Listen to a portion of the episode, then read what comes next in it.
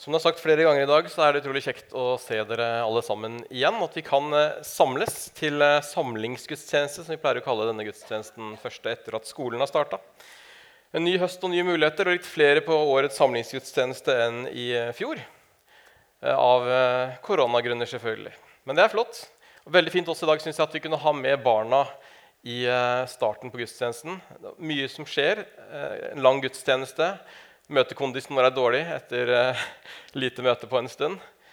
Men uh, da er da vi trenger litt uh, trening òg, så det er noe med det.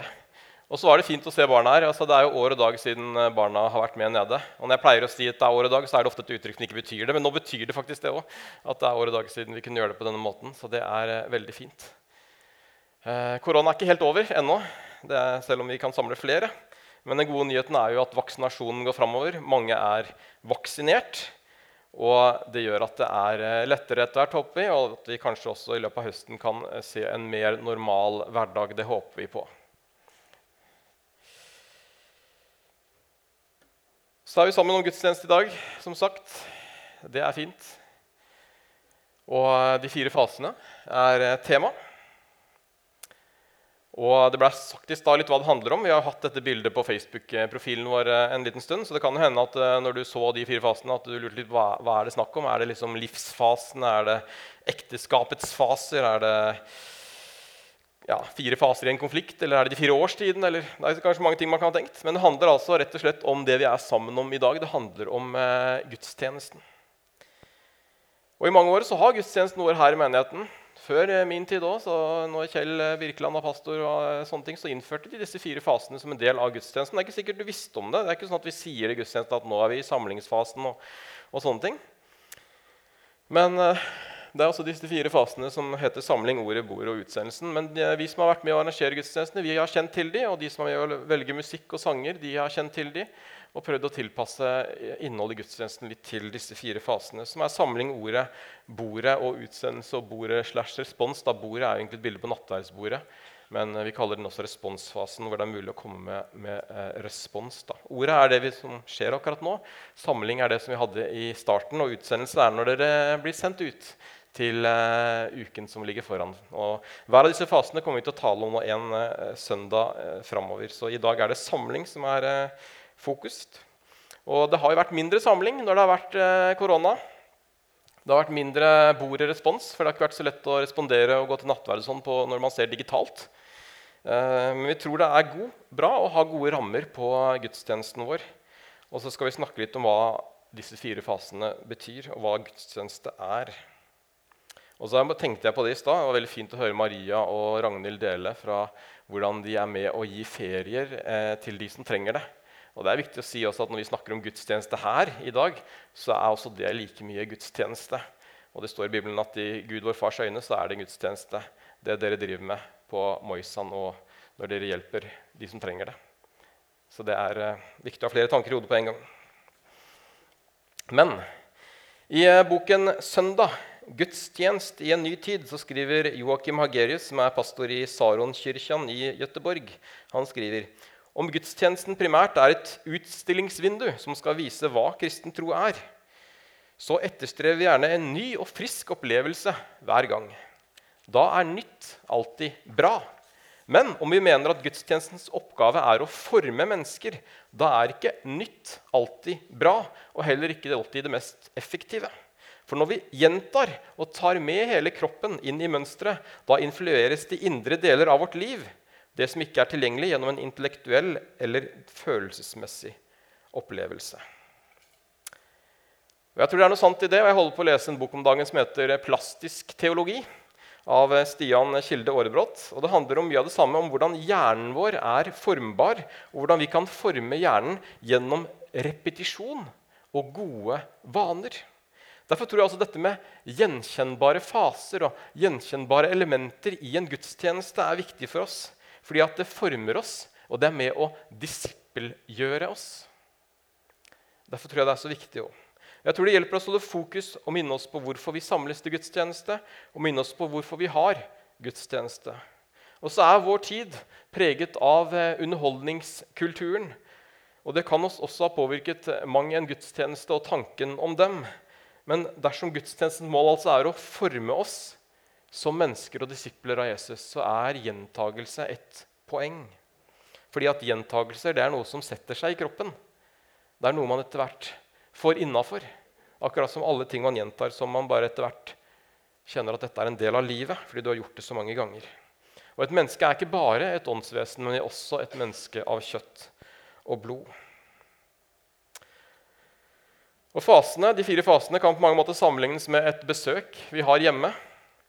Ofte så vil det kanskje være en samlingsfase hvor man samles kanskje rundt bordet, og det er kanskje litt småprat i begynnelsen, hvor det blir litt mer dyptgående prat underveis når man har vært sammen en stund, før man kanskje går fra, fra hverandre etter hvert og kjenner at eh, samtalen har vært god, og kanskje også gitt oss noe man kan ta med videre.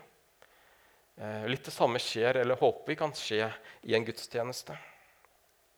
Og så har vi jo litt bibelsk forankring-fase nå, bl.a. i eh, Lukas 24 eh, vers 13-35 så kan vi lese om Emmaus-vandrerne som er ute og vandrer etter Jesu død. og Så kommer Jesus og går ved siden av dem, og så prater de en del. og sånne ting. Og I den teksten her så finner vi også de fire fasene. hvis man ser på den nøye. Og for det første så er det jo på en måte at det er Jesus som kommer. Det er han som på en måte initierer samtalen, og han kommer til dem, Emmaus-vandrerne, slik de er, i den tilstanden de er i. De er jo frustrerte og i sjokk over at Jesus er død. Og så lar han de få lov til å prate, og de kjenner han jo ikke igjen med en gang. står det. Og Så stiller Jesus dem spørsmål, og så fører han dem til et punkt hvor de er klare til å høre fra Skriften, til å høre ordet. Og det som skjer da, er den neste fasen, hvor Jesus underviser Emmaus-vandrerne i Skriftene. De får høre ordet. Og etter det, så er det, for det tredje, så er det et klimaks i beretningen hvor de samles rundt bordet, og de bryter brødet. Og når de bryter brødet, så ser de at det er Jesus, og hvem han er. Jesus var der hele tiden, men det er i bordet-fasen at de oppdager ham. Og de skjønner at han er sammen med dem. Og så er det vendepunktet i historien. Og det gjør at de som det fjerde momentet i historien blir vitner om det de har sett og hørt, og får lov til å gå videre og fortelle det til andre i utsendelsesfasen. Så gudstjenesten vår handler om mye av det samme. Gud ønsker oss velkommen. Vi samles innenfor ham. Guds ord taler til oss. Og så kan vi få lov til å respondere på det, og så kan vi få lov til å ta det med ut, og vi kan få lov til å sendes ut til mennesker i vår nærhet og i hverdagen. Vi finner også et, eh, noe av dette i apostelgjerningene 2.42, eh, hvor det står om eh, de første kristne at de holdt seg trofast til apostelens lære. Fellesskapet til brødsbyrdelsen og bønnene står i apostelgjerningene 2.42. De hadde på en måte fire fokus delt opp i i to deler. altså Apostelens lære og fellesskapet, brødsbrytelsen, bordet altså, og bønnene. Og Ut fra de, disse skriftsteder så fikk vi tidlig i Oldkirken også uttrykkene 'ordet' og 'bordet'. Og så ble det tvert utviklet med samling og avskjed, som vi da kaller for utsendelse. Og på den måten kan vi si at Gudstjenesten er en eh, reise, en reise inn i Guds nærhet, altså samlingsfasen, hvor vi kan høre fra Gud, ordet, og vi kan feire Kristus, Jesus, med bordet, og så sendes ut til slutt. Og Det er tanken som vi prøver å legge oss på her eh, på hver gudstjeneste. Og så er det sånn, som også ble nevnt innledningsvis, at Vi kommer inn som ulike mennesker. Vi eh, kommer med ulik bagasje på gudstjenesten. Vi kan være stressa i dag. Vi kan eh, kanskje komme rett fra krangelen hjemme. Vi kan kanskje tenke på hva som skal skje senere i dag. Noen av oss er glade, noen av oss er urolige, noen av oss er triste. Og hele spekteret er til stede her fordi vi er 100% mennesker med det det fører med seg. Og Så samles vi til gudstjeneste som hele mennesker, og det vil si med våre følelser, med våre kunnskap, med vår vilje. Og det gir oss også evnen til å handle. Når vi da starter med en sang i gudstjenesten, så er det for at vi kan på en måte få lov til å lande her. Vi kan få lov til å legge av oss det som tynger. Vi kan få lov til å legge fra oss hverdagslivet. Og så kan vi få lov til å ha fokus på Gud, som er til stede. Og Vi sier ofte at den første sangen vi synger i gudstjenesten, skal gjerne være litt eh, objektiv. Eh, og ikke subjektiv. altså Vi synger om Gud, ikke nødvendigvis til Gud. fordi det er ikke alle som er like klare til å gå rett inn og begynne å tilbe klokka 11 hvis de kommer fra noe som tok fokus rett før de kom inn på gudstjenesten. Derfor skal samlingsfasen hjelpe oss til å vise oss at uansett hvordan vi har det, så er Gud Gud. Og Gud er Gud, om alle land lå øde, og Gud er Gud om alle mann var døde. Han er den samme uansett hvordan vi har det. Og det å synge om Gud det kan vi få lov til å gjøre uansett hvordan vi opplever å ha det innvendig i vårt eget liv. Derfor så kommer det ofte mer eh, kanskje tilbedelsessanger hvis vi skal kalle det, i responsfasen etter talen også, når vi kan få lov til å respondere på det vi har hørt. Og vi kan få lov til å synge mer til Gud enn om Gud. Men de andre fasene skal vi få lov til å høre mer om de neste søndagene.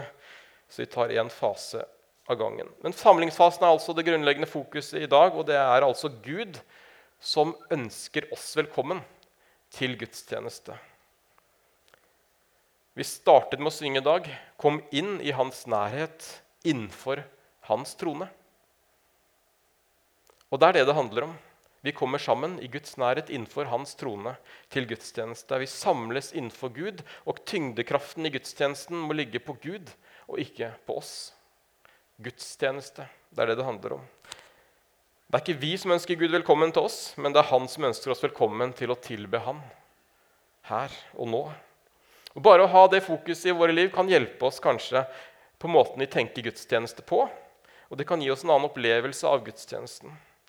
Gudstjenesten er ikke en samling rundt Gud, men det er et møte innenfor Gud, med Gud. Og så er det godt å samles fysisk. For det er ikke det samme synes jeg, å samles digitalt på nett, selv om det har vært et godt alternativ når man ikke kunne møtes. Men vi kan også si at har vi et rett fokus på hva gudstjenesten er, i bunn og grunn, så kan vi trives på mange ulike typer gudstjenester. Og vi kan også trives i mange ulike typer kirker med ulike stiler.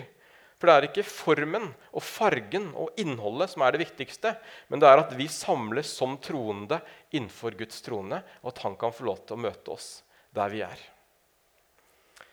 Senere i høst skal vi ha en taleserie som handler om gode vaner og det å bygge gode vaner. For eksempel, som en god vane vi har i menigheten, her, er å gå regelmessig på gudstjeneste. kaller vi det, Som en av fire søyler i menigheten. Så velkommen eh, til deg som er her i dag også, til å bli med og gå regelmessig på gudstjenester i løpet av denne høsten. For jeg tror vi trenger det kristne fellesskapet, og vi trenger å komme sammen. For en del år siden så var jeg på en eh, sjakkturnering i eh, Fredrikstad. Det er lov å spille sjakk selv om man uh, tror. Og I en av pausene der så måtte jeg bort og ha meg litt mat på butikken. For du blir jo veldig sulten av å spille sjakk når du tenker mye. og sånn. I hvert fall jeg. Eh, og På vei bort til butikken så møter jeg en gjeng eh, som er ute på gata. og Det var en gjeng kristne som var ute og ba for folk. Så de stoppet meg og spurte om det var noe de kunne be for. Og eh, Siden jeg var pastor, så kunne jeg jo si at jeg er pastor. og var interessant å prate litt med dem, Og vi fikk en god prat. Og Jeg sa jeg syntes det var bra at de var frimodige og var ute og fortalte at de trodde på Jesus og ville gjerne be for mennesker. Og så spør jeg, som jeg ofte gjør når jeg møter brødre og søstre i troen, det er altså, hvilken menighet tilhører dere? Og Da fikk jeg til svar at de gikk ikke i noen menighet, for det hadde de ikke tro på lenger. De ville bare leve ut apostlenes gjerninger i dag og forkynne på gata. Og så sa jeg noe om at De burde kanskje lese apostelgjerningene en gang til. fordi at De første disiplene de reiste rundt og starta menigheter og styrket eksisterende menigheter. og egentlig stort sett det de drev med. Og Det var det også Jesus hadde bedt dem om å gjøre. Og Det står blant annet at På pinsedagen når vi regnes som den kirkens fødselsdag, så ble over 3000 lagt til menigheten på starten. Og Vi fikk en god prat der på gata. Vi var kanskje ikke enige i alt. Men det var interessant likevel. Og det er mange mennesker som har forlatt menighetene fordi de blei skuffa, som regel over andre mennesker, eller fordi at forventningene var for høye. Og så kanskje lette man videre, og så gikk man fra menighet til menighet i jakt på den perfekte menighet, kanskje uten, eller antagelig uten å finne den. Og Noen velger også kanskje å lage sin egen menighet for å være sikker på at man ikke blir skuffa, bare for å finne ut at man kan bli skuffa der også. Faktisk. Nå har det vært en spesiell tid med korona i ett og et halvt år som har rokket ved menigheten slik vi kjenner den. Og vi er ikke de første som har opplevd det, selv om vi kanskje er de første som har opplevd korona på denne måten. Jeg snakka med Kåre, som nå nylig døde eh, under korona. og Han sa han hadde jo i sitt 95 år gamle liv aldri opplevd noe som korona på den måten som på en måte utestengte oss fra fellesskapet med hverandre. Men mange opplevde litt det samme under andre verdenskrig når eh, i en del land også ble det vanskelig å ha kristne møter. Og En av de som opplevde at eh, fellesskapet ble rokket ved, det var den tyske teologen og presten Dietrich Bøhnhøffer. Han ble utfordret av eh, nazismen og måtte tenke en del på hvordan er man kirke når myndighetene våre står for en dypt rasistisk ideologi. Og så bruker de kirkens teologi og innflytelse for å kunne vinne makt. For det var mange kristne og kirker som fulgte nazismen, men Bønhoff var en av de som tok avstand fra det. Han sto opp mot Hitler, og for det så ble han også drept like før krigens slutt. Men han rakk å gi ut noen bøker som har blitt veldig kjent, bl.a. boka 'Gemeinsames Leben' på tysk, eller 'Liv i fellesskapet' på norsk, som kom ut i 1939. Og Det er en kort, liten bok om det kristne fellesskapet, hvor Bønhoffer skriver eh, bl.a.: Det blir lett glemt at fellesskapet av kristne brødre er en nåde fra Guds rike som hver dag kan bli tatt fra oss. Det har vi opplevd litt i koronatid. Det kan være en kort tid som ennå skiller oss fra den dypeste ensomhet. Derfor bør den som for tiden får lov til å leve sitt liv i fellesskap med andre kristne, prise Guds nåde fra dypet av sitt hjerte. Han bør takke Gud på kne og erkjenne det er nåde, intet annet enn nåde, at vi også i dag får lov til å leve i fellesskap med kristne brødre. Så Det er nåde at vi kan samles her i dag. Så mange sammen. Det er gøy. Og I koronatid så har vi ofte opplevd mye av det samme som Bønhoffer opplevde. At plutselig så ble hverdagen snudd på hodet. Det som man hadde tatt som en selvfølge, var plutselig ikke en selvfølge lenger. Og plutselig så kan ting skje også i fremtiden som hindrer oss i å samles. Og I mange land er det ikke lov å samles som kristne i dag. Derfor bør vi også være takknemlige når vi kan samles. Og kanskje også derfor bør vi samles fordi vi kan, er litt av det Bønhoff sier.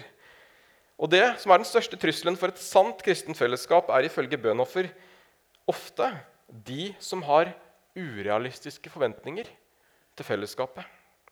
De som ikke klarer å være alene med seg selv, er farlige for fellesskapet, sier han. De som sier at det må være mer enn det her. Se hva det står i Bibelen. da. Vi skal leve tett sammen, vi skal bære hverandre, vi skal dele liv og være et fellesskap. Vi skal ikke ligne på noe i verden, vi skal ha ekstraordinære åndelige erfaringer sammen, helst hver gang. Og hvor mange husmenighetsprosjekter som har starta med at vi skal bare leve livet organisk sammen, har ikke over tid blitt borte fordi at livet skjedde. Og fordi det krevde en så stor dedikasjon fra en liten gruppe mennesker hele tiden at det ikke gikk på lang sikt. Bøhnhofer skriver også i denne boka at den som elsker sin egen drøm om et kristent fellesskap mer enn det kristne fellesskapet selv, han ødelegger ethvert kristent fellesskap. Slik er det selv om hans kjærlighet er aldri så personlig og ærlig, alvorlig og oppofrende ment. Altså Selv med gode intensjoner så kan man ødelegge hvis drømmen om et kristen fellesskap og elsker det mer enn det kristne fellesskapet selv i seg selv. Så det Bøhnhoffer sier, er ikke 'elsk drømmen om menigheten', men 'elsk menigheten som den er'. Hvis du elsker drømmen mer enn realiteten, så kan du gå fra menighet til menighet og aldri få del i et sant kristent fellesskap. Sånn er det for øvrig med de aller fleste fellesskap også som har med mennesker å gjøre. Det blir aldri perfekt, det blir aldri optimalt, fordi at vi mennesker er mennesker, og vi er ikke perfekte. Bønhofer skriver også den som vil ha noe mer enn det Kristus har grunnlagt mellom oss, han ønsker ikke et kristent brorskap. Han ønsker, søker etter en eller annen ekstraordinær fellesskapsopplevelse som han ikke får noe annet sted, og bærer uklare og urene ønsker med seg inn i det kristne fellesskapet. Nettopp dette er den aller farligste trussel mot det kristne fellesskapet, som regel allerede fra begynnelsen av. Den indre forgiftningen skjer ved å forveksle kristent brorskap med et ønskebilde av et fromt fellesskap, står det nederst der.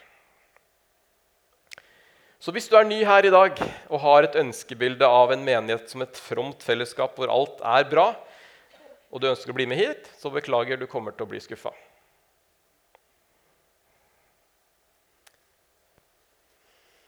Men hva er menighet, da? Hva kan vi forvente, og hva er vi sammen om? Og Da konkluderer Bønnefer med at vi er alle slags mennesker i fellesskap rundt Jesus. I denne menigheten så har vi en visjon som står ute på veggen i foajeen vår, hvor det står 'Tett på Jesus, hverandre og Grimstad'. Det er det vi ønsker å leve ut. Og vi har begynt med 'Tett på Jesus' i visjonen fordi vi er samla om Jesus. Ved Jesus. Det er han det handler om. Det er han som holder oss sammen. Og det er det han har gjort, og det han gjør, som er fundamentet i menigheten. Han er vårt hode. Og vi er ikke brødre og søstre i troen fordi vi er så like, eller fordi vi mener det samme. Vi er brødre og søstre fordi vi alle er i Kristus. I Jesus. Du er min bror fordi Jesus har gjort det samme for deg som for meg. Og du er min søster fordi du har fått tatt imot den samme nåden som jeg har fått lov til å ta imot. Og det forener oss som søsken i Guds familie. Bønoffer sier eh, til slutt til sitatet det kristne fellesskap betyr fellesskap ved Jesus Kristus og i Jesus Kristus. Det fins ikke noe kristent fellesskap som er mer, og heller ikke noe som er mindre enn dette. Både det korte møtet som skjer én gang, og i det daglige fellesskapet som varer i flere år, er kristent fellesskap bare dette. Vi tilhører hverandre ene og alene ved og i Jesus Kristus. Og det er fellesskapet, og det er det vi samles om. Derfor er samlingsfasen i gudstjenesten viktig, fordi vi samles innenfor Gud med våre ulikheter. Og så er det han som er viktig, og ikke min personlige preferanse. Så hvis du er ny her i dag eller uh, i høst og du velger å gå her i menigheten, så er du hjertelig velkommen til å være med. Men som sagt, jeg kan ikke garantere at du ikke blir litt skuffa av oss. Men jeg håper at den Gud som du tror på, ikke vil skuffe deg. For det er først og fremst han det handler om. Det er han vi samles om. Uten han så hadde det ikke vært en menighet. Det hadde vært en forening eller en klubb. Som hvilken som helst annen forening og klubb. Og Derfor er det også viktig med samlingsfasen, hvor vi samles sammen innenfor Gud. For det er der vi må begynne. Vi kan få lov til å samles sammen alle generasjoner. Det synes jeg også har vært sterkt i dag, hvor vi deler livet på godt og vondt. I dag var det barnevelsignelse for Johannes, og han har et liv foran seg som er spennende. Og så hørte vi samtidig et minneord om Kåre Røynås, som ble 95 år, og som vi tok avskjed med på torsdag som var, og som hadde vært i menigheten i 80 år. Og Jeg sa i begravelsen eh, til Kåre at Kåre han var trofast på gudstjenester helt til det siste. Og han visste at det var relasjonen til Jesus som var det viktige, eller det viktigste, ikke bygget eller det menneskelige. Han tok imot Jesus i et telt. Og så tok han med seg den gleden og den takknemligheten etter det møtet. Uansett om det var møte i teltet eller i Misjonshuset, som var menighetens første bygg, eller i Garveriet, som var vårt forrige bygg, eller i denne gamle høyskolen, som er vårt nåværende bygg, så var Kåre trofast på gudstjeneste. Han visste at Jesus var den samme uansett hvor vi samles. Og Noen uker før Kåre døde, så var det et av våre medlemmer som møtte Kåre i byen, hvor Kåre med stor entusiasme hadde sagt nå er det snart søndagsmøter igjen. Og det gledet han seg til, fordi vi hadde ikke møter her i sommer. Og I Hebrevbrevet kapittel 10, vers 25, så skriver Paulus.: Og la oss ikke holde oss borte når menigheten vår samles, som noen har for vane. La oss heller oppmuntre hverandre, og det så mye mer som dere ser at dagen nærmer seg. Og Kåre han levde det ut. Han var trofast når menigheten samles, og han oppmuntret andre til å komme. Og det er mange her som er trofaste. Og jeg håper at vi får lov til å oppleve mange søndager denne høsten at det er godt å komme sammen som menighetsfellesskap. Og at det er godt å komme innenfor Gud og bruke tid i hans nærhet. Og jeg tror vi trenger det. Og Noen ganger så trenger vi kanskje å oppdage det litt igjen. Jeg håper også at korona har vært en tid som kanskje har gjort noe med synet vårt på menighetsfellesskapet og det å komme sammen innenfor Gud. Yes, Jeg husker godt jeg var eh, 18 år og eh, var i eh, militæret, Luftforsvaret, i, eh, på Værnes utenfor Stjørdal i Trøndelag. Og De første 14 dagene jeg hadde på rekruttskolen, fikk vi ikke lov til å forlate leiren. Så jeg husker at Den første søndagen hvor det var mulig å forlate leiren, så våkna jeg og kjente egentlig, jeg tror kanskje det var første gang i mitt liv jeg kjente på det, egentlig, at jeg må bare komme meg på en gudstjeneste. Det er lenge siden jeg har vært på en gudstjeneste. Og Tidligere når jeg hadde vært på gudstjeneste, som jeg hadde vært på mange ganger, så hadde jeg som regel dratt dit fordi at jeg hadde venner der, eller var noen jeg ville treffe, eller det var en jente jeg likte, eller et eller annet.